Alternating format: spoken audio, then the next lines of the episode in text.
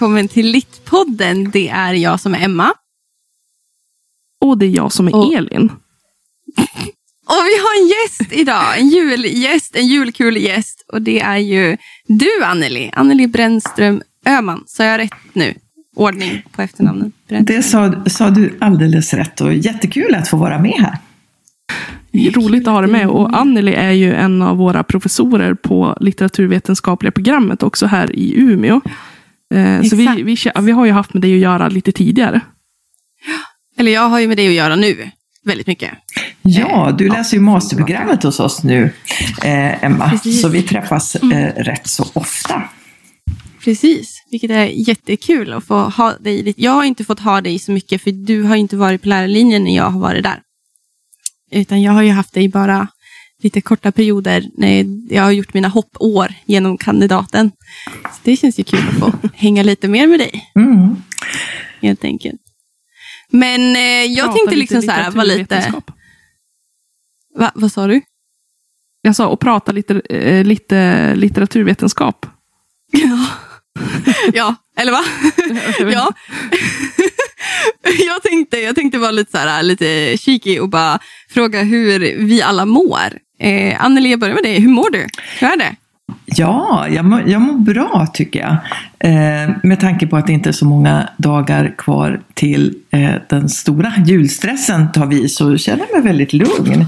Eh, såg ni solen eh, när den gick ner alldeles nyss? Eh, så tänk- solen ja. Åh. Så tänker jag, egentligen borde man ha en sån här nedräkning. Dan före dan före dan före dan är idag va? Innan det blir vintersolståndet och det börjar vända. Ja, Ja, just det. ja.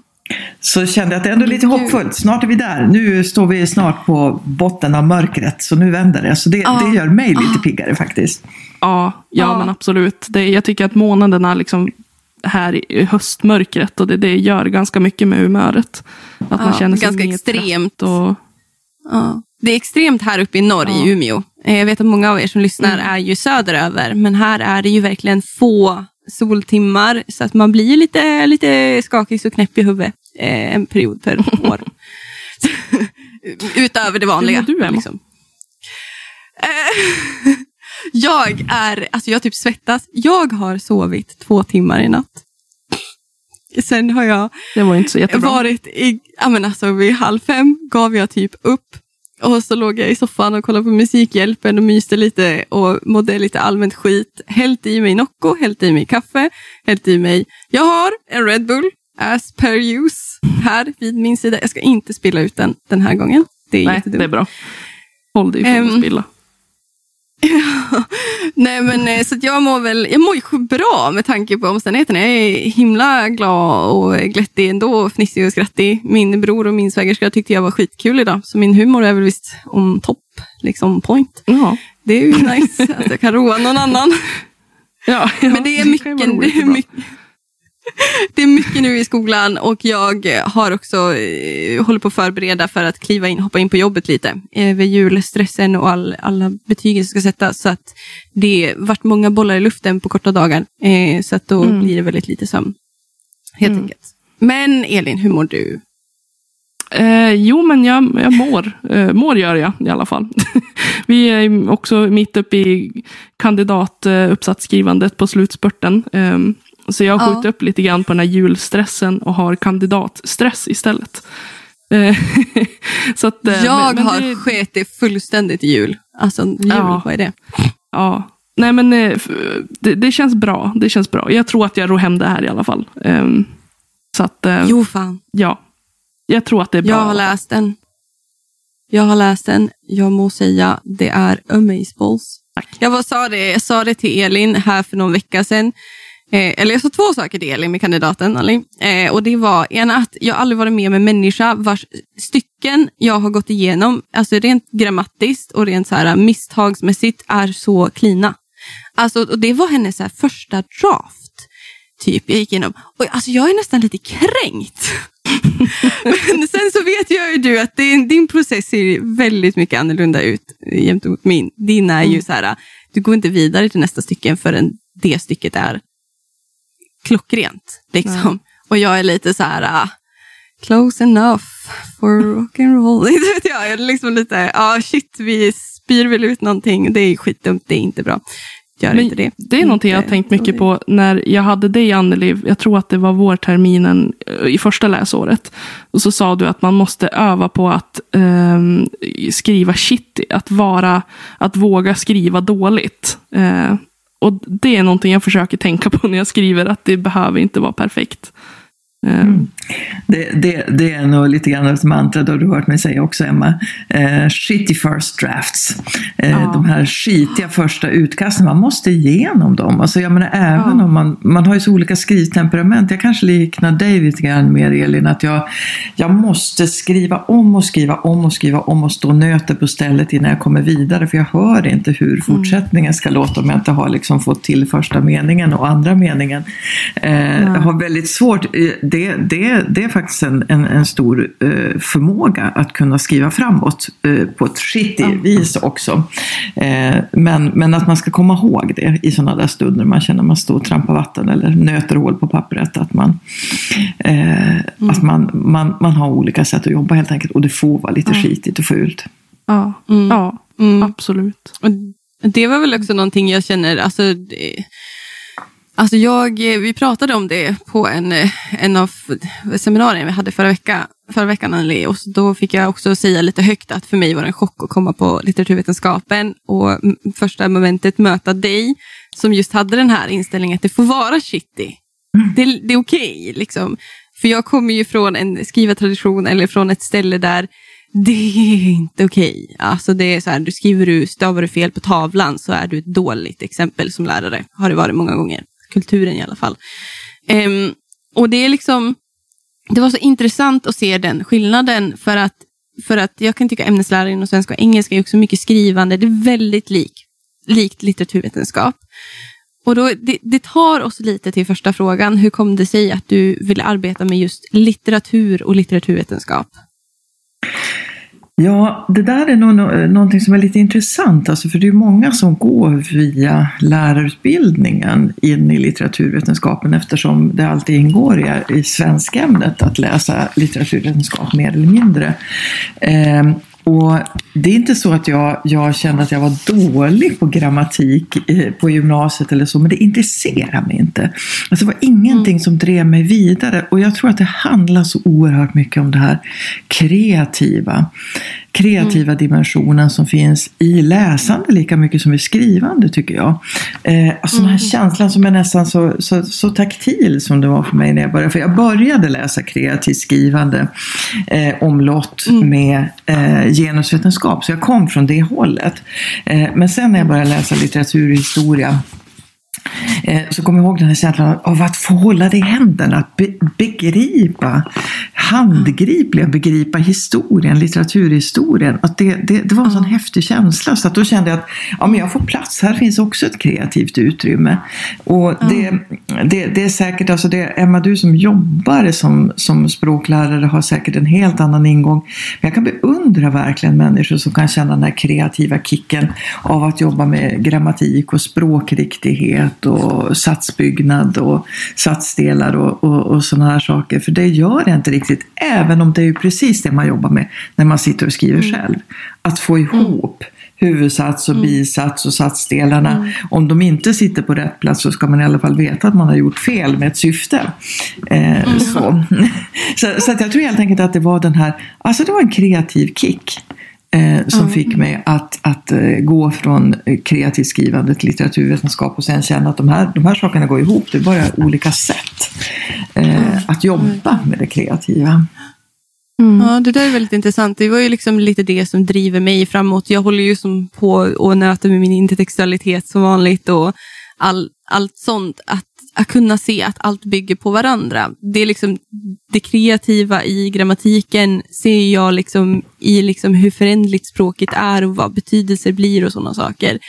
I och med att vår grammatik förändras ständigt och vårt språk förändras ständigt. Och vad händer? Vad händer med berättelserna? Vad händer med vårt skrivande? Det tycker jag är skitfascinerande. Och att då, precis som du, är jag ju superintresserad då av, av historien, litteraturhistorien, där, där liksom man ser att allting går att koppla fram och tillbaka. Det är så otroligt fascinerande, mm. verkligen. Men du Anneli är ju inte bara professor i litteraturvetenskap, du är ju också professor i genusvetenskap. Eh, hur lång har den här va vägen varit fram till det liksom att du blev klar som professor i de här ämnena? Hur, hur har vägen sett ut? Ja, alltså jag kan nog säga det, att det, det är ungefär som ni vet man gör fläta hår eh, tre delar. Att de har funnits med hela tiden. Att, att mm. skrivit har jag väl gjort nästan jämt och det börjar väl där med längtan att själv få skriva.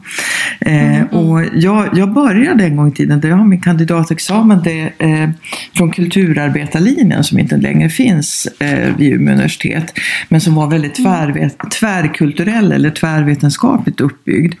Och där kände mm. jag ju att den del som lockade in mig mest eh, var ju litteratur naturen tillsammans med den här feministiska frågan som jag hela tiden mm. snubblade på. Och det har ju sin förklaring, det hade jag nog egentligen med mig ända från gymnasiet. Eh, de här stunderna när man får sådana här, för att citera en av mina eh, favoritteoretiker, Sarah Ahmed, när hon pratar om the snap moment, när det liksom knäpper mm. till och man känner liksom att det brinner av i huvudet när man uppfattar det, uppfångar det som kvinna. Att, ja, men, jag, jag, jag är inte bara en av alla utan nu ska jag vara tjejen i gänget här. Eller jag ska vara flickig eller kvinnlig på ett särskilt sätt. Så att jag, faktiskt så var det så att från, efter gymnasiet så läste jag på folkhögskola en termin på Malungs folkhögskola i Dalarna. Kvinnohistoria och kvinnolitteratur. Och där var vi ett gäng mm. som bara höll på med det dygnet runt eftersom vi bodde på skolan också och gjorde liksom en massa demonstrationer och, och performance och upptåg. Så att det kändes så alldeles självklart för mig att ha med det här feministiska mm. perspektivet. Så det kändes som att jag flätade hela vägen. Men till litteraturvetenskapen kom jag sist. Eh, mm. Eftersom jag, en blandning av att jag inte trodde att det var lika kreativt och att det var så himla roligt, för jag har ju läst massor jämt också. Får man verkligen mm. jobba med sånt? Eh, så det mm. tog lite tid, men, men, men att, att de har hela tiden varit parallella. Jag har inte liksom valt den ena före den andra, utan det känns ganska naturligt att de hänger ihop. Mm. Sen hur jag kom till att bli professor så det var ju ingenting som var något slags målsnöre för mig utan att mm. det kändes ju viktigt. Tvärtom var jag nog nästan lite så att jag inte alls var intresserad av karriär och de här karriärkliven. Men sen så insåg mm. jag det, och det var ju en, eh, lite grann en feministisk insikt också, att eh, om jag ska kunna eh, hjälpa andra och vara en förebild själv så är det faktiskt också väldigt viktigt att våga ta de där kliven och lyfta sig i håret lite grann och eh, eh, skriva lite mer, göra lite mer så att man kan meritera sig och bli professor. För att det, vi är ju fortfarande i minoritet, det kanske man inte tänker på eh, som student så ofta eftersom vi är många kvinnor i klassrummet som undervisar och så vidare. Men, men i mm. professorskåren är vi ju en liten minoritet fortfarande. Mm. Mm. Vi gjorde faktiskt, eh, jag tror att det var förra året, vi var en grupp som gjorde en eh, litteratursociologisk undersökning om hur universitetet, om det är stor skillnad på gäst, gästföreläsare, om det är mycket män eller om det är fler kvinnor som bjuds in. Och det tyckte vi var lite intressant för att vi hade en upplevelse om att det var flest män. Men det var, mm. det var ganska jämnt, men det vi såg var att de flesta kvinnor hade en lägre yrkesprofession. eller liksom, de var inte chefer, mm. utan det var andra titlar. Så det kan jag hålla med om, att man märker ju av att fältet ser ojämnt ut. Mm. Ja, Nej, men det där är väldigt sant och jag tror att eh, på Umeå universitet som vi ju delar som arbetsplats alla tre så eh, ligger vi relativt bra till sett över, över landet. Eh, jag tror att till exempel Karolinska, de ligger nog i botten där 10 procent kvinnliga professorer har varit ganska länge. Eh, I Umeå har vi nått upp till någonstans mellan 25 och 28 procent. Eh, och det kan man ju tycka låter, låter mycket. Men tänk då på de andra 72 procenten, brukar jag säga, om det är 28 procent kvinnor. Alltså de som eh, bara smälter in och inte behöver särbetecknas som kvinnliga professorer.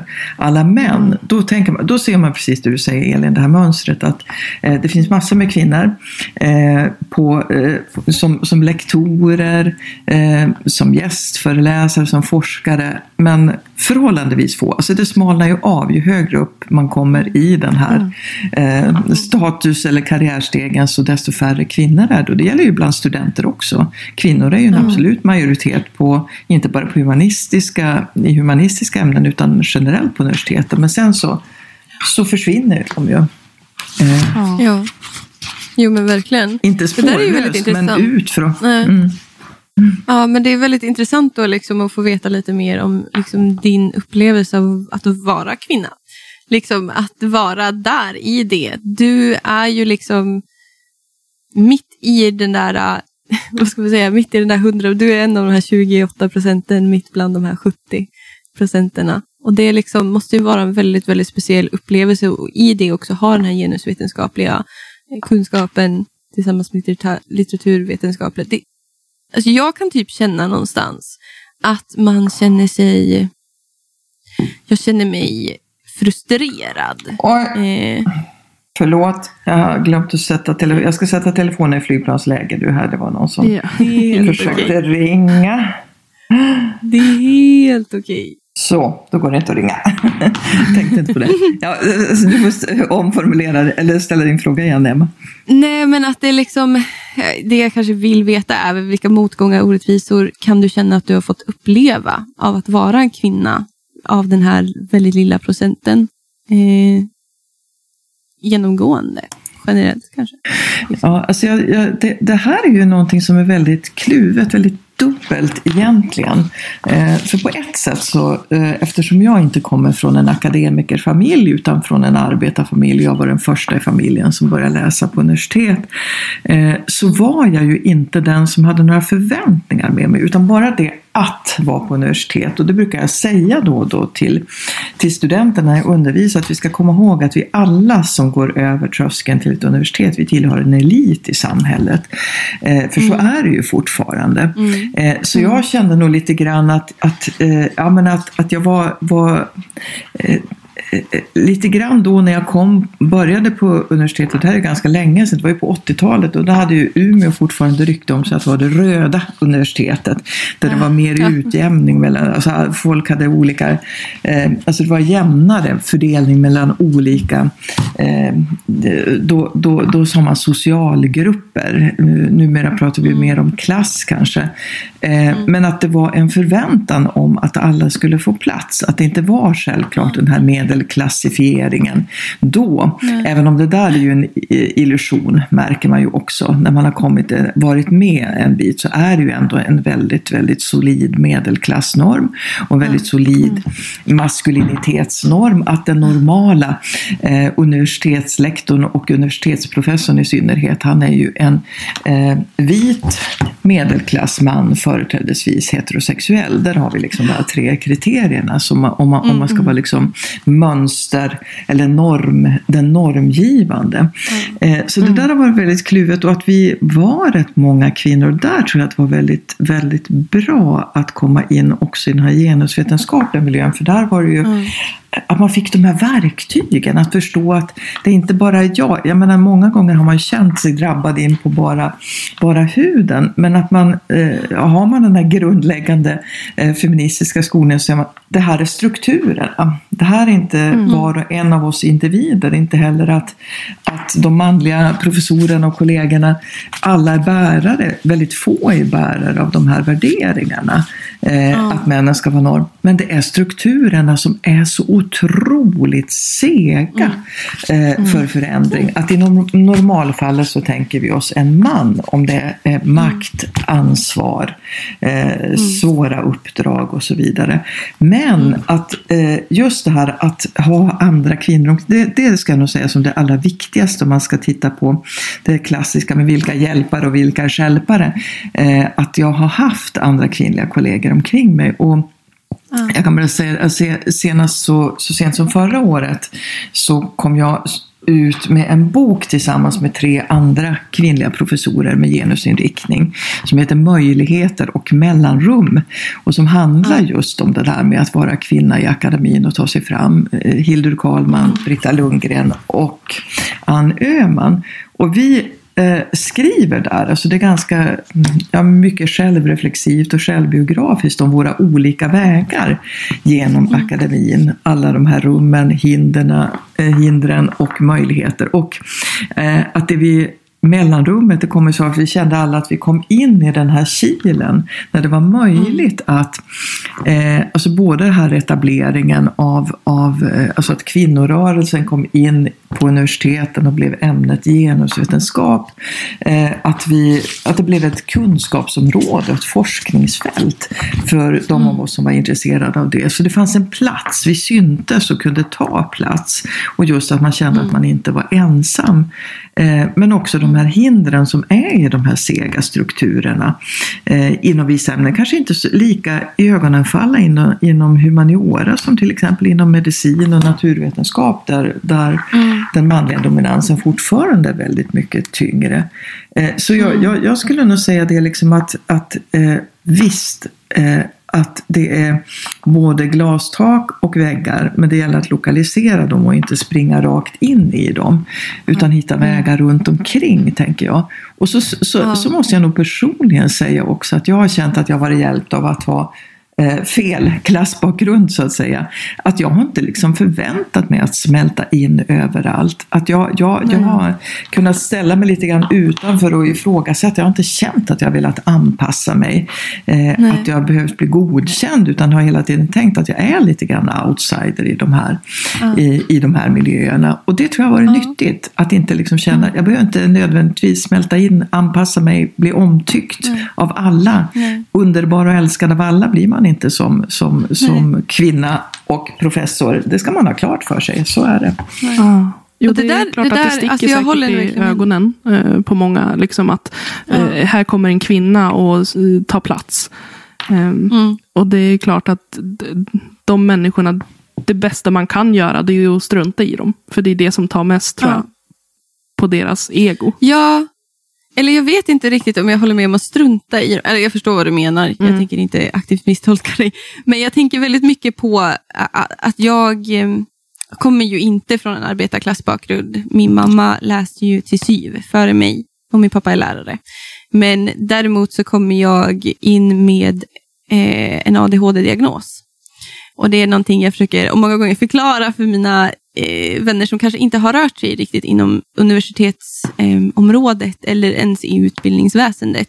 Att skolan generellt tycker inte om folk med MPF. Tyvärr. Eh, sen är det inte så överallt, men det, är liksom, det, det finns en norm av att du är för dum för i alla fall högre utbildning. Eh, jättetråkigt. Eh, så. Och, och det för mig, tror jag, när jag fick min diagnos, så vart det så skönt att kunna, först vart det ju det här bara, ah, fuck, jag är, jag är en idiot. Okej, okay. ja men det är bra, då vet jag det, då kan jag gå vidare. Men så insåg jag liksom någonstans, precis som du säger Anneli, att men jag står ju redan utanför. Det har inte gjort mig någonting. Det, det snarare har drivit mig ganska rejält. Lite eld i baken har jag fått, liksom, mer än vad jag annars har. Liksom.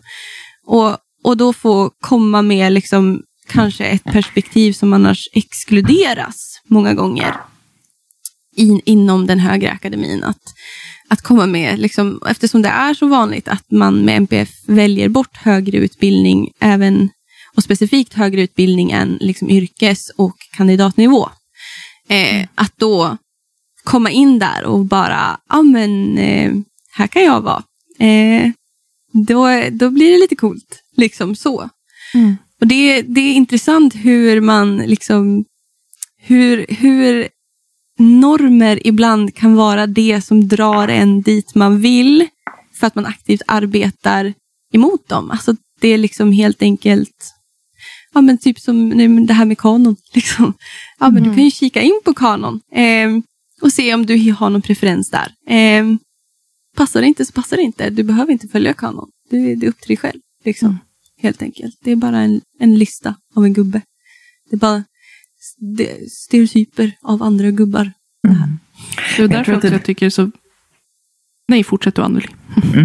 Nej, men jag tänkte bara det du säger Emma, alltså det, jag, jag, jag tycker det där är så jätte, jätteviktigt. Och så då tänker jag på eh, en annan av mina följeslagare, eh, teoretiker, eh, författare som jag eh, har haft med mig hela tiden. Bell Hooks, som sorgligt nog gick bort just den här veckan. Eh, hon skriver väldigt mycket om det där, så det har jag känt ett otroligt stöd. Och det ska man inte glömma, att man, om man hittar tänkare, författare som, som, som just benämner, berättar om de här erfarenheterna, vilken otrolig lättnad det kan vara. Hon skriver, och det har ni säkert hört mig citera, eh, om att vara märkt av sin skillnad. Eh, och för henne var det att vara svart, att vara kvinna, att vara arbetarklass. Eh, för mig är det det här dubbla med att vara kvinna och eh, arbetarklass. Eh, för dig Emma är det där med att känna att du, du, du har det här eh, psykiska funktionsvariationen eller vad man kallar det, eh, alltså ADHD. Eh, men att eh, vi alla ändå passar in på något annat sätt. Mm. Bell Hooks var också professor och väldigt framgångsrik. Och jag känner ju det att det är väldigt kluvet det här med att vara, jag är ju vit eh, och eh, pratar svenska. Jag har svenska som modersmål vilket gör att jag eh, definitivt tillhör en majoritetskultur i andra avseenden när jag jobbar på ett universitet idag. Som inte alla är delaktiga och det, och det där tror jag är jätte, jättenöjd, eh, nyttigt att tänka på. Eh, vilken skillnad är alla märkt? För jag tror att det är många som har det här. Det syns inte utanpå lika lite som, som, som ADHD eller arbetarklass syns utanpå när man har varit i miljön och lärt sig eh, att, att eh, röra sig och se ut som alla andra. Så är det ju ingen som vet det förrän man säger det själv. Men att jag tror att väldigt många går omkring med sådana här skillnader som är små tatueringar eller är någonstans som inte syns men som påverkar en. Mm. Jag tänker också att det är jätteviktigt att folk då med en NPF-diagnos och som faktiskt kommer ut och kanske kan studera och som får arbete med, där de får arbeta med det de vill, att det också blir en förebild för andra som inte tror att de kommer kunna lyckas. Att Ja. Emma som lärare också blir en förebild att för sina elever som också kanske sitter med en NPF-diagnos och som kanske maskar väldigt mycket eller som döljer det, försöker dölja det för att då försöka passa in i den här normen som finns. Eh, att det behöver inte vara så. Du kan, du kan studera och du kan jobba med det här och ha en NPF-diagnos. Det behöver inte vara liksom Förstår ni hur jag menar? Att, Nej, ja men verkligen. Alltså verkligen. Och the pressure though. Eh, men, att, nej, men jag tänker väldigt mycket på just den här grejen att eh, eh, jag följer en, en Facebookgrupp som heter ADHD-garis och icke-binäris. Mm. Och där är det liksom någon, en trend jag ser där liksom, det är många som hoppar mellan utbildningar. De startar och man brinner ju. Det är ju det man gör. Det är ju en stor del i att ha ADHD, det hyperfokuset. Man, hittar man det man brinner för, då finns det ingenting annat. Men man brinner ju, man är människa och man brinner slut. Eh, många gånger och då kommer väggen och sen så blir man allergisk mot det här. Jag hör inte hemma här, jag orkar inte, jag orkar inte kämpa. Ehm, och att då kunna få liksom, för att jag tyckte det var svårt när jag kom med min ADHD-diagnos och bara veta vad för hjälp jag kan kräva. Alltså, får jag ens kräva hjälp? Och hur, och hur fascinerande det är när, när någonting blir en minoritet, att det finns. Det finns stöd. Det finns fantastiskt stöd för folk med NPF-diagnoser på specifikt Umeå universitet. Amazing. Men att informationen till det är inte tillgänglig. Det är så liksom man kan identifiera att det är, man är en minoritet där någonstans. Det är jätte, jättedåligt informerat. Och du som med din diagnos har ju liksom inte koll. Du har ju ingen aning vad du får kräva. Du har ett mindre världskomplex redan från början, så du vet ju inte ens vad du får fråga efter. Och jag kan känna redan nu att hur viktigt det har varit för mig att vara väldigt, väldigt öppen och väldigt, väldigt tydlig med folk runt omkring mig, här i podden, verkligen. Och eh, alltså även i, i liksom de kurser jag går och sådana saker, men att, i, men att på sätt och vis få fungera lite som en brygga att fungera lite, kanske inte som en inspiration utan mer som en brygga. Den här till, informationen är tillgänglig hos mig. Liksom. Och hur många har faktiskt hört av sig, specifikt genom sociala medier sedan vi startade podden och liksom bara, det är helt amazing att få höra att någon läser litteraturvetenskap först och främst. För att vi har ju det här med samsjuklighet. Man har ju oftast dyslexi och ADHD. Eller dyslexi och eh, autism. Ehm, och, och, dyslexi och litteraturvetenskap tänker man väl kanske spontant, shit det går inte ihop. Även fast det faktiskt, det är bara dyslektiskt, dyslektiskt läsande eller dyslektiskt skrivande. Det är inte det att man inte kan. Det är bara ett annat sätt. Och att de får har, och jag får känna mig glad och tacksam och uppmuntrad och får så mycket energi från er som lyssnar där ute. Alltså verkligen när ni hör av er och säger att min läkare sa att jag är för dum för att läsa det jag vill läsa, men sen lyssnar jag på dig och du, du säger att man inte är det. Och då är det så här, ah, nej, nej men visst är vi inte dum. Och det är så fantastiskt att inse att man är en majoritet i minoriteten någonstans. Mm. Att få få kopplas ihop, precis som du pratar om Anneli, att ha dina kollegor, dina kvinnliga kollegor, att det här, det här skrivgruppen, du, tror jag det var, mm. skrivcirkeln ni mm. hade, liksom. och att få, liksom, som jag, jag och Elin också har lite syfte med den här podden, att, att bara få connecta och liksom bli en majoritet i minoriteten någonstans. Mm. Det är så viktigt och så, så ödmjukande, tycker jag och höra sånt också från andra. Reflektera. Mm. Eh, nu tappade min hjärna spåret. Elin? ja. Eh, Din tur. Ja, eh, men vi kan ju fortsätta på det här med universitetet. Jag tänker, hur, hur är det att jobba på universitetet som professor? Vad är, vad är det bästa med att undervisa? Ja, vad är det roligaste ja. som finns? Mm.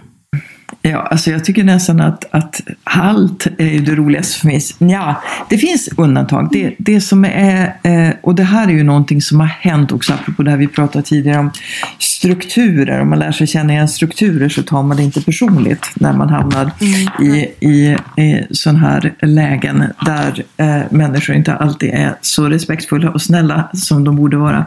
Eh, men samma sak är det ju också med att på universitetet har det hänt så mycket de senaste ska säga, 10-15 åren.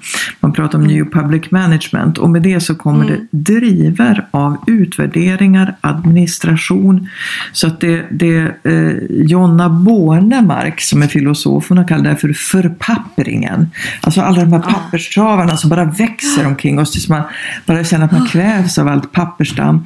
Och det tycker inte jag, alltså det är inte mitt jobb egentligen. Det är inte det jag utbildar för, det är inte det jag brinner för och aldrig någonsin gjort. Mm. Jag kan det men eh, att just att det tar för mycket tid från det som är riktigt roligt. Att läsa, förbereda mm. lektioner, själv skriva, eh, göra mm. forskning. Eh, men att mm. jag, jag tycker att det är det här, eh, alltså det finns så mycket som är roligt. Att det, dels det här att, att faktiskt kunna få jobba med sitt största intresse. Alltså det är ett oh. privilegium från början till slut. Att jag menar, både kunna skriva på arbetstid och läsa på arbetstid. Eh, och det här är ju någonting som ibland så stöter man på sådana här roliga, eh, roliga fördomar som eh, eh, när jag var på en konferens och en eh, feministisk kollega väl att märka från medicin, medicinarforskare, som, som sa eh, med ett lite lätt ironiskt tonfall Åh, vad det måste vara härligt att få läsa romaner hela dagarna. Och med en så kände jag mig som att jag var som den här, den här klichébilden av 1800-talskvinnan som ligger slängd på sin divan med pralinasken inom räckhåll och eh, har den här romanvärlden. Eh, så jag skrattade, jag kände det kan jag bjussa på. Eh, ni vet ju det som också litteraturvetare, så, så, så är väl inte liksom huvud, huvudläget. Men, men visst är det så, det är ju så fantastiskt roligt. Och sen är är ju det här alltså, som gör mig så glad över att höra det här med att just att få plats med andra erfarenheter som du berättar om Mm. Emma och levda erfarenheter, eh, insikten om att vi alla bär unika historier med oss, för det är ju det som litteraturen handlar om.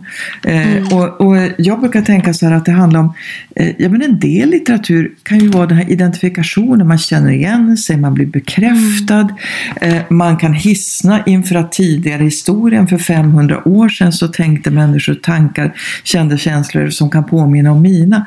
Men det är också det här andra, alltså det som lär oss faktiskt att bli så mycket smartare. De möjliga världarna, där vi inte Ja. lever. De andra erfarenheterna, de andras liv.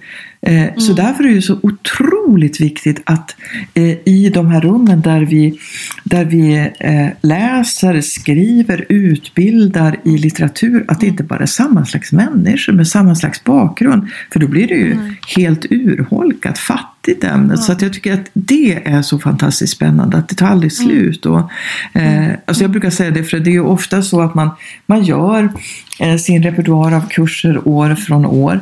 Men då är det ju alltid någon som kommer in och har läst eh, Virginia Woolfs Mot fyren, en av mina favoriter som ni vet. Eh, och så ställer någon sån här fråga helt på tvärs. Så jag tänkte, jaha du, du tänker så. Det har jag aldrig tänkt på förut, fast det kanske är en roman som jag har läst 25 gånger. Eh, Och det, det, det är just på grund av det här att man har olika erfarenheter som man läser med. Eh, man läser ju med sig själv hela tiden. Så, så det är nog det, alltså det tar aldrig slut den glädjen. Och det blir ju allra roligast när man möter studenter förstås. För där handlar det om generationer också. Eh, att eh, just förstå det här med jag som är född på 60-talet eh, och att förstå er som är millennials eh, eller ännu eh, nu när alla våra nya studenter är födda eh, på 2000-talet. Alltså det, det, det, det är så wow! Eh, och, och då tänker man att 19 1900-talet är redan historia eh, för dem. Och, och det, det är så jättespännande att höra vad som händer när de möter den här eh, moderna litteraturen också. ja. ja, men det håller jag med om. Alltså verkligen. Att det är liksom en stor del, men också bara vara lärare. Alltså bara spontant vara Precis. barn och unga och studenter och elever. Det är just det här att tänk om-tänkandet som Ja. alltid existerar. Precis så. Tänk vara- om, eller som om. Mm. Mm. Exakt, exakt. Ja, Jesus Christ, det är verkligen dropping the mic tänkte jag säga. Fast det är inte riktigt rätt sak att säga. Det, är här, det kommer med bra poänger tycker jag. Eh, vad, ska vi bara, nästa fråga. För att Ja. det är liksom inte som, det, de är lite roliga. Så jag tar en av de roliga frågorna och du tar en av de roliga frågorna. Och sen så går vi vidare till de fem snabba. För att de fem snabba är roligast. Ja. Ja. Så vad är din, vilka är dina husgudar? Ja, jag har ju nämnt eh, ett par av dem som jag gärna återvänder till och tänker tillsammans med eh, Sarah Ahmed och Bell Hooks. Och åtminstone Bell Ja. Hooks eh, är ju en, en författare som jag bär närmast hjärtat, verkligen, som jag alltid återvänder till. Eh, så av henne kan man läsa nästan vad som helst och bli väldigt upplivad. För att, och det jag också tycker om, och det har betytt mycket för mig, att inte hålla sig strikt inom en vetenskaplig ram, utan att se att när vi håller på med litteratur som forskare så är vi också litterära. Eh, det, fin, det finns inga, i, i, inga väggar mellan litteraturen skönlitterära författare och eh, litteraturvetare egentligen mer än det att vi håller på med, vi söker kunskap utifrån olika utgångspunkter. Men Ja. jag ser ju att det, och, det, det berättar hon om så otroligt, otroligt klart och tydligt och engagerat. Alltså det är en eh, passionerad, hon pratar själv om det, om passionate fiction. Eh, Passionerat skrivande verkligen. Eh, så det är en sorg att det inte kommer att komma fler böcker från henne verkligen. Eh, alldeles för tidigt lämnade hon jordelivet, men böckerna finns ju kvar. Sen, ja, jag har ju också nämnt Virginia Woolf. Eh, Det är nog en husgud och hon är ju, ja men framförallt så är hon ju en fantastisk romanförfattare. Men då i början på 1900-talet eh, att skriva sådana feministiskt klarsynta och djärva böcker som hon gjorde. Alltså. Ja, Och jag, och jag, jag brukar säga det att, att eh, hennes eh, som från början var ett, en föreläsning, ett eget rum, room of one's own. Mm. Att det, det är min, om jag, jag har aldrig fått den, den frågan, vilken bok skulle du ta med till en öde ö? Men jag har, jag har svaret redo, jag skulle ta med Virginia Woolfs ett eget rum, för det, det, den räcker hur länge som helst. Man kan, hon är så ja. rolig, hon är witty på det här brittiska ja. sättet. Och så lagom On point elak mm. också. Mm. Eh, så, så, så, att hon, hon, hon, ja, men hon Ja, alltså det, jag, jag har alltid så roligt och skrattar högt varje gång jag läser den på nytt. Eh, så hon, hon finns med där. Eh, och sen, sen, så har jag ju också en författare, en svensk författare som jag har ägnat eh, många år åt att skriva om, nämligen Sara Lidman, romanförfattaren, mm. essayisten, debattören, aktivisten Sara Lidman. Det tar aldrig riktigt slut heller. Eh, mm. Där hittar man ständigt nya saker. Jag tror att en gemensam nämnare för alla de här, det är ju att just det där att att se språket, vad man kan, alltså berättelsernas magi och språket, vad det kan göra med oss. Sara Lidman hon har en så väldigt rolig lek som hon ägnar sig åt rätt mycket när hon eh, bryter isär ord. Ansvar, det kommer an på mig att svara på ja. världen och problemen. Mm. Eh, och, att, att, och, det där tycker jag är så, så, så, fantastiskt spännande, att just se att ta orden och världen på allvar och berättelserna. Mm. Eh, och se att man har faktiskt en, en väldigt stor möjlighet att förändra världen, åtminstone i det lilla. Eh, mm. Om man tar, tar både språket och förmågan att berätta på allvar. Eh, Hon är helt amazing att använda också. i hon är helt amazing att använda i språkhistoria, tycker jag. Just för det där att bryta ner. Vad roligt att höra att du använder det ja. hos Sara. Jättekul. Det, hon är skitcool på det sättet, verkligen. Superduktig med sina exempel, tycker jag. Um, man ja. kan liksom, ja, men man, hon skriver i klarspråk också på det sättet, vilket kan vara ganska svårt, tycker jag på hennes sätt att skriva. Mm. Jag mm. skulle inte kunna göra det. Det är väl det som gör henne så unik. Men just i kombinationsspråkhistoria och att få bryta ner varför heter ansvar. Jag, som du säger, kommer an på ja. svar. Och just sådana grejer, att, att det blir kropp också. Att man går omkring mm. i språket tillsammans med henne. En underbar sån här eh, eh, lek, twist hon gör i en av sina texter där hon säger bokstäverna, bokstövlarna, hur de får oss att snubbla och stappla fram. Och då känner man, ja men det är precis, men vi känner igen oss för högklackade eller för små skor och så står man på näsan nästan och det är så man gör när man skriver och försöker mm. få fram någonting. Alltså det blir så sinnligt och hon sa själv ofta nästan som ett mantra att det må kropp till. Man måste, alltså man måste ha det i kroppen också för att annars så, så händer det inte på riktigt. Mm. Nej. Nej, exakt. Ah, amazing. Men eh, om det var dina husgudar så då måste jag ju fråga vilken är de vik viktigaste böckerna i din bokhylla? Ja, ett par av dem har jag ju nämnt. Mm. Eh, eh, det, det, är ju de här författarna verkligen. Eh, och eh, Virginia Woolf som sagt, ett eget rum, den skulle jag aldrig göra mig av med. Eh, så jag har faktiskt samlat nu, eh, försökt att samla, insett det att jag måste ha en särskild Sara Lidman-hylla, en särskild mm. eller två Virginia Woolf-hyllor och så vidare. Så att det, jag, jag är inte eh, samlar, boksamlare på det sättet som må, må, många litteraturmänniskor kan vara, att det ska vara första utgåvor och de ska vara jättefina och sådär. Eh, använder de till forskning, då måste det ju vara liksom att man lånar de här första utgåvorna eller så naturligtvis. Men, mm. men det är inte det, det är inte liksom hur snygga böckerna är, även om det kan påverka. Jag älskar ju att ha en vacker bok. Eh, mm en, nu höll jag på att glömma en av mina husgudar, jätteviktigt, eller två egentligen, för det här var ju eh, mm. prosaförfattare, eh, Emily Dickinson. Mm. Ja. Och Sylvia Plath. Det är två, oh. två författare som har följt mig sedan eh, tonåren eh, och som jag alltid, alltid återvänder till.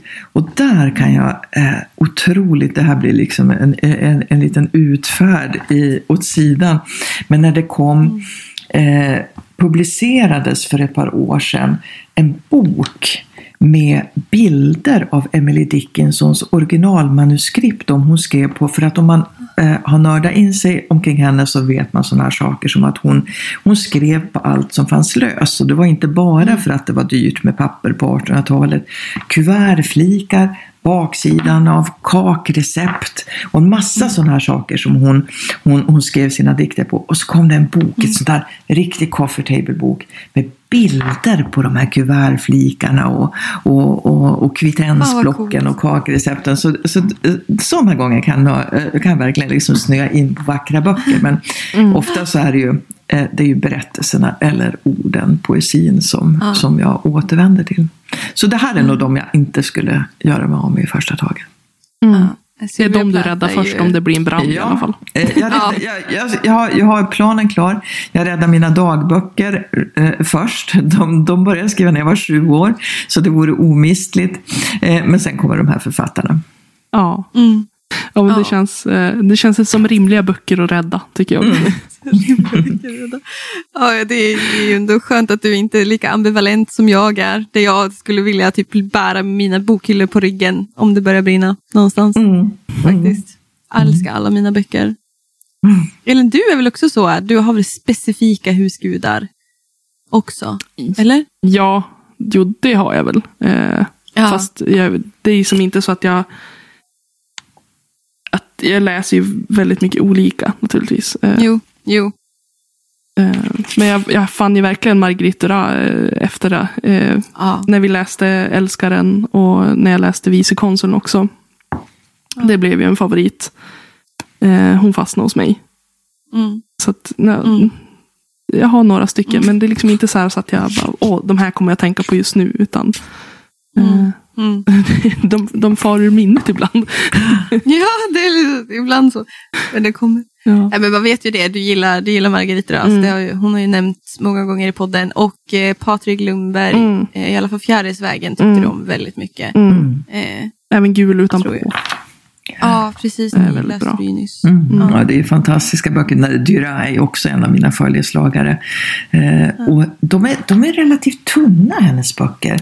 Ja. Så man, man, man, kan få rätt många bara med ett enkelt handgrepp med sig om det skulle brinna, eller hur? Jag, jag tänker det precis. också. att man kan rädda många på en gång. Ja. ja, förutom jag som har alltså böcker som typ till... Dune. Ja, ja vi kan gå vidare. Det var inget viktigt. Ska vi gå vidare till de fem snabba frågorna? Och de här frågorna vet ju inte du vilka de är. Så det, och det är det som är så spännande också. Att det kan vara vad som helst. Och då ska du liksom tänka ut, du ska få frågan och så ska du få välja mellan två alternativ. Och så ska du välja ett av dem utan att försöka tänka för mycket. Utan det ska gå relativt snabbt. Eh, så vi kanske bara sätter igång. Ska jag börja? Ja, kör du första. Mm. Okej. Okay. Mm. Marguerite Duras eller Simone de Beauvoir? Shit, så svårt! Nej, men alltså jag måste nästan säga Simone de Beauvoir för att hon har varit så otroligt viktig. Och där pratar vi tjocka böcker, men det får bli Simone. Men det verkar i hjärtat lite grann. Ja, det. Ibland är de väldigt jobbiga de här frågorna. Ja, det är förbannat jävla jobbigt, Elin. Kränkt känner jag mig många gånger av de där frågorna. Ja, men nästa fråga är att aldrig mer få läsa eller aldrig mer få undervisa. Och så svårt. eh, men jag skulle nog säga att, eh, ska jag välja vad som vore värst? Ja, om du aldrig skulle få läsa mer eller aldrig mer få undervisa, vad skulle du hellre välja? Alltså då skulle jag säga att, eh, att aldrig mer få undervisa väljer jag strategiskt. För om jag får fortsätta läsa då tänker jag jag kommer att hitta en bakväg, en lönngång för att kunna få undervisa eller skriva eh, till studenter. Och så där. så att jag, jag, jag väljer läsandet, det behåller jag. Ja, det är helt bra tycker jag. Det finns många kryphål också i de här ja, frågorna. Jag, jag, jag, jag, jag tror att jag skulle hitta ett kryphål där. Okej, eh, nästa fråga då. Genusvetenskap eller litteraturvetenskap? Nej, men då måste jag säga litteraturvetenskap för att kunskapen har jag med mig och den finns inflätad överallt. Men litteraturvetenskapen, det, det är huvudvägen för mig. Det, det, ja. Ah. ja. Och så kör vi att läsa en bok eller lyssna på en bok. Vad föredrar du? Att läsa en bok, självklart. Eh, Jag lyssnar jättemycket på böcker numera, men, men att läsa det, det, ja, nej, men det är det viktigaste. Men lyssna på en bok, det är ett bra, otroligt bra verktyg. Alltså fantastiskt bra verktyg. Och jag kan nästan inte skilja, jag vill inte skilja att lyssnandet, eh, jag tycker det är ett läsande också. För att jag vet att andra läser på andra sätt. Mm. Helt enkelt. Det, men att läsa är något speciellt. Det är det där med att När man får skapa rösterna själv också i sitt huvud. Det är ju också... Ja, det finns jättemånga bra uppläsare, men, men att jag tänker det också att det, alltså, för mig när jag börjar lyssna jättemycket så hinner jag ju läsa mer böcker. Eh, ska jag undervisa på en bok eh, eller skriva någonting med en bok så då måste jag läsa den i pappers, en, en riktig bok. Men, men bara för det där att hinna med all nyutkommen litteratur och, och, eller mycket mer än vad man annars hinner med så är det ju suveränt bra att lyssna. Inte för att det går snabbare utan för att man kan göra andra saker under tiden. Mm. Ja men verkligen. Ja, men det har varit guld nu för oss när vi har varit så, när det är så mycket att läsa på litteraturvetenskapen när man utbildar sig. Och det märkte jag ju här nu också på mastern. Där det bara, tempot bara pjusch, upp i taket. Och då var det alltså fantastiskt att kunna få hitta dem som ljudböcker. Verkligen, verkligen. Mm. Och bara kunna pyssla på. Eh, Okej, Elin- sista frågan. Eh, essäer eller skönlitterärt? Att läsa eller skriva? Det kan vara både och. Ja, det är ju jättesvårt, men då, då väljer jag ju skönlitteraturen för att där, där, där ser jag också kryphålen.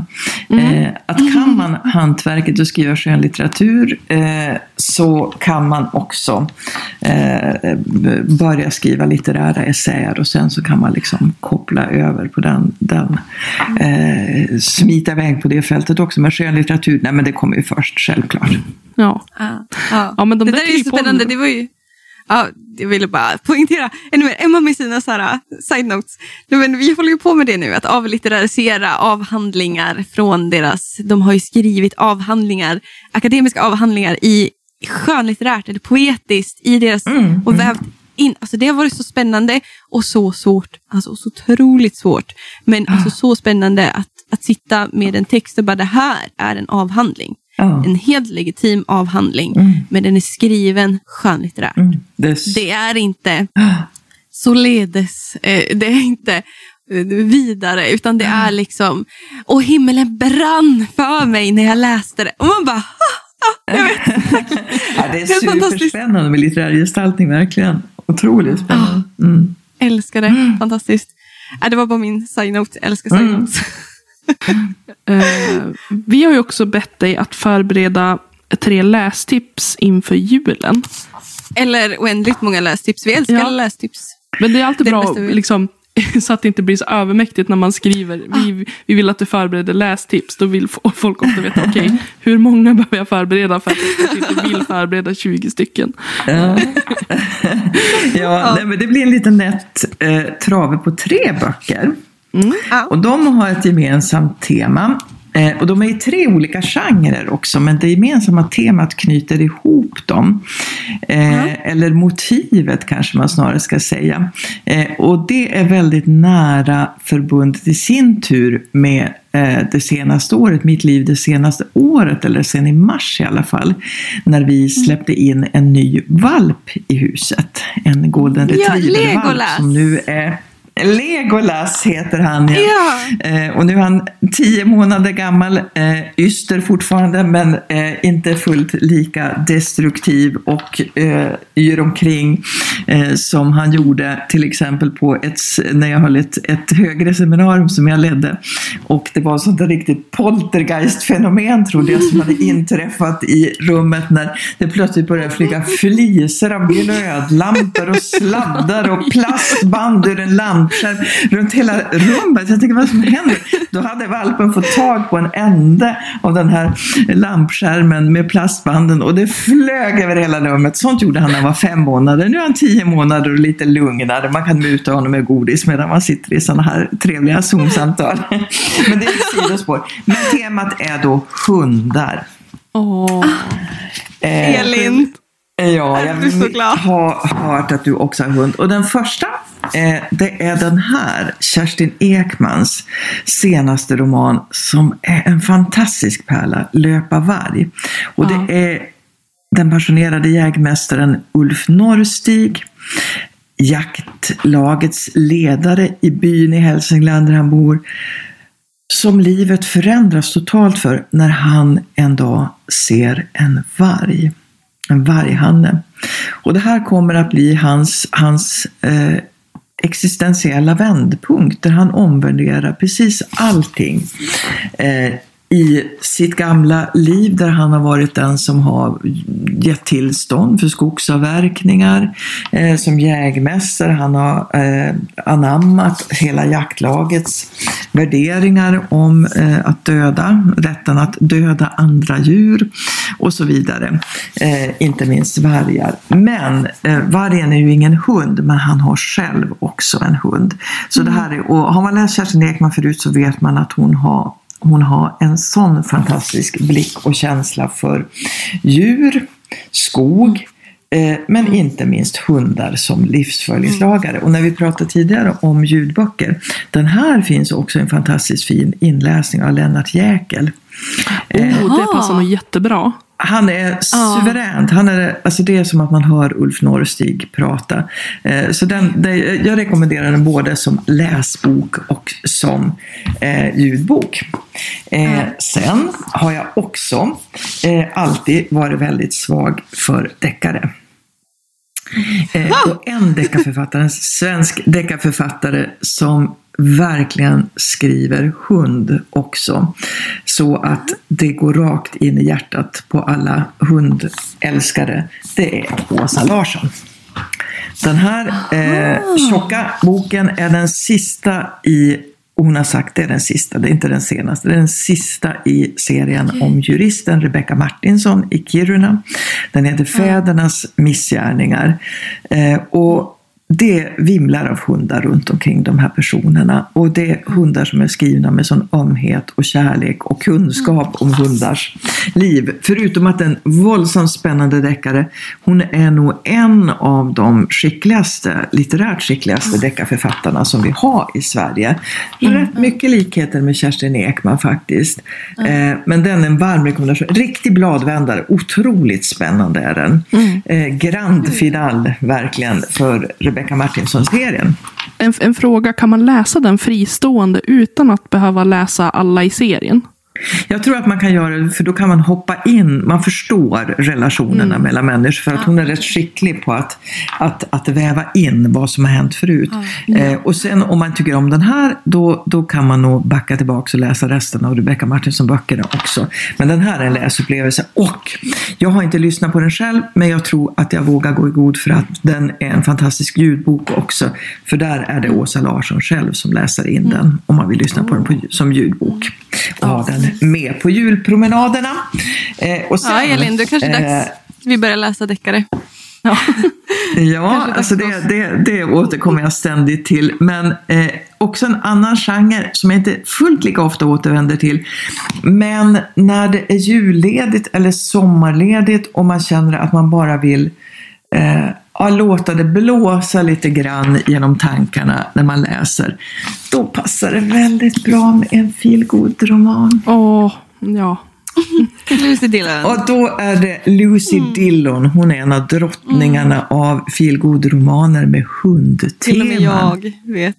Ensamma hjärtan och hemlösa hundar. Ja, ni förstår, ni har. Det handlar nästan alltid om eh, en storstadsbo.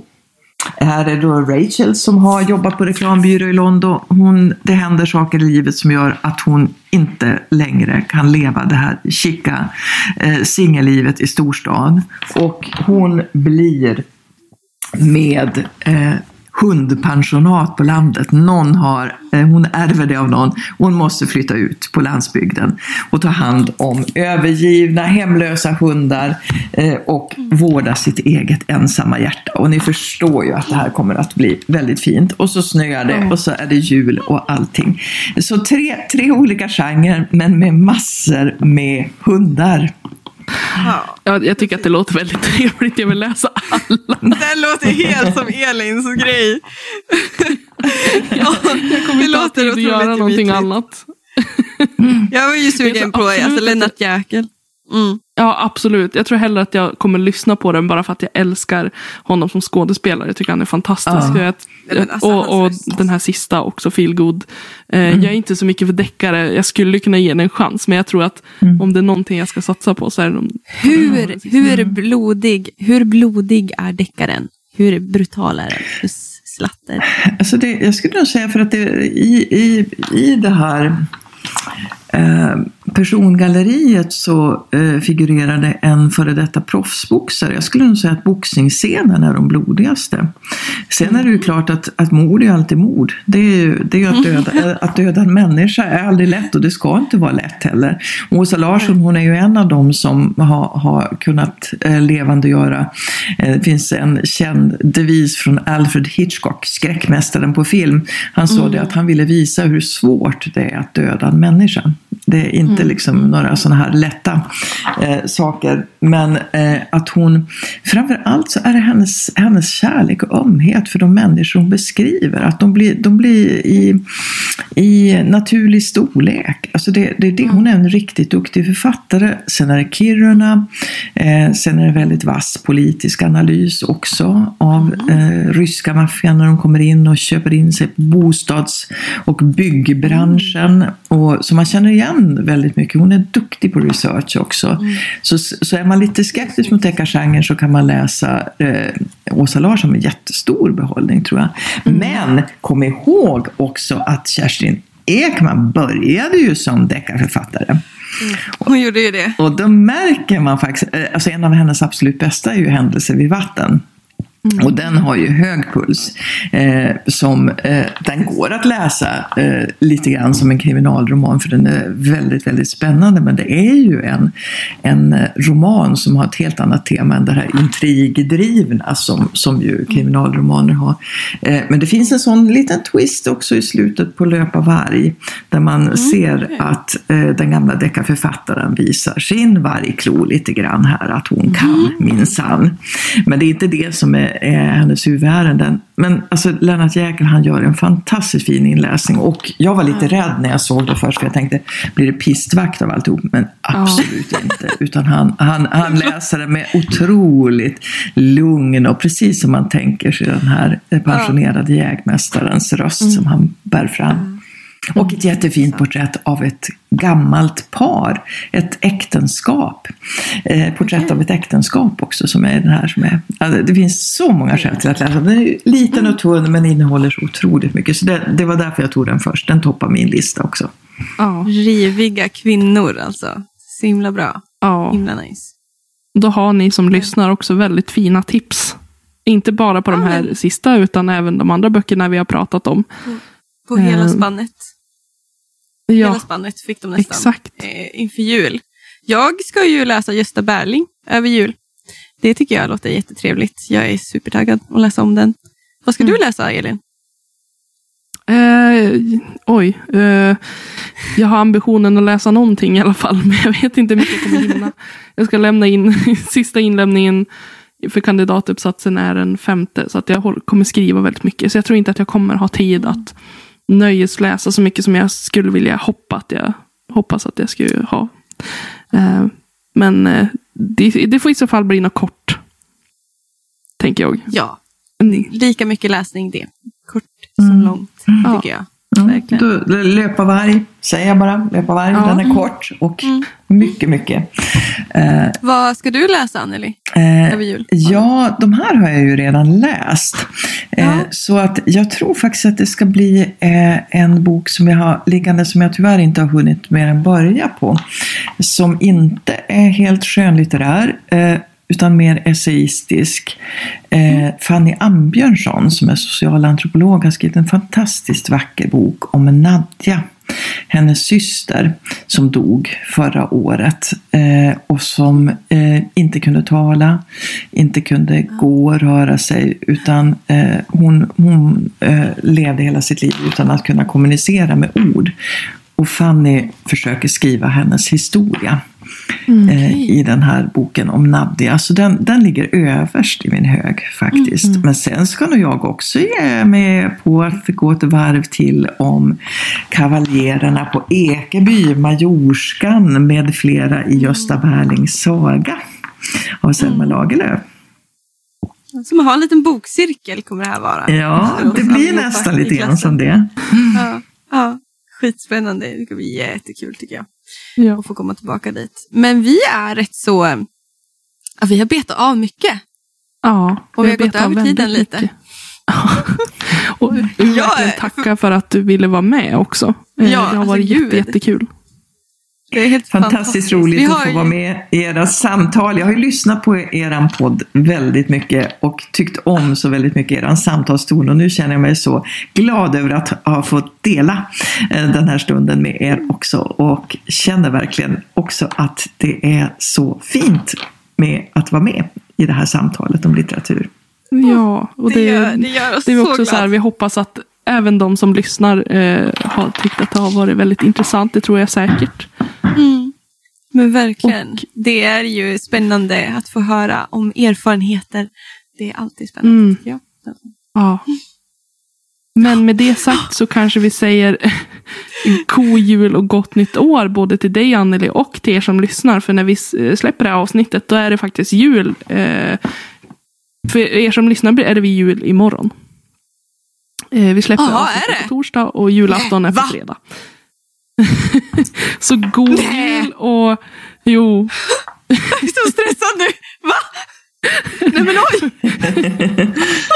Nej men jag har inte någon tidsuppfattning. Nej men oj, oj, oj vad stressad jag blev. ja men, Men precis, god jul, fall. gott nytt år. Ja, god jul och gott nytt år. Och så hörs vi nästa år. Och eh, Anneli, vi hoppas att vi ses eh, kanske till vårterminen någon. Ja, det hoppas jag verkligen. Glad jul, gott nytt år! God jul, gott nytt år. God jul. Tack för att ni har lyssnat hörni. Vi hörs. Tack. Hej! Vi hörs. Hej då.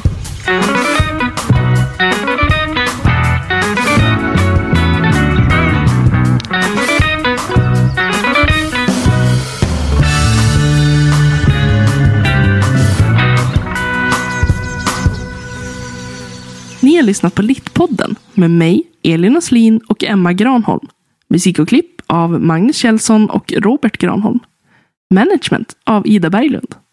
Tack hörni för att ni har lyssnat.